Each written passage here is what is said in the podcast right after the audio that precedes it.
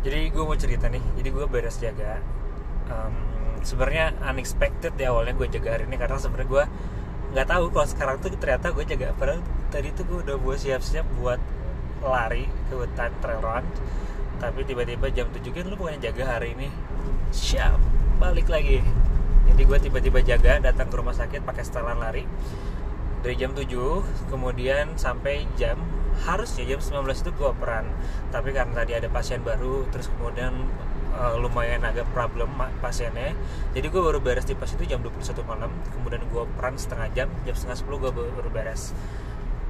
Nah jadi lumayan cukup eh, shift yang panjang sih dari jam 7 sampai jam 21 lu kayak ada di rumah sakit lu ngurusin orang lain ngurusin pasien itu sampai ada selebih dari 3 per 4 waktu lo dalam 24 jam. Nah setelah gue beres jaga beres operan apa sih yang gue rasain? Gue ngerasa kayak basian tau gak jadi jadi kayak tense up selama jaga ngurusin pasien. Lapor-lapor ada perlu apa gue eh, ke pasien. Terus eh, pasiennya juga banyak juga tadi. Terus tiba-tiba lu beres operan. Terus kayak ada basian itu buat gue istilahnya kayak basian. Apa nih? Tiba-tiba operan. Terus gue kayak nggak tahu mau ngapain.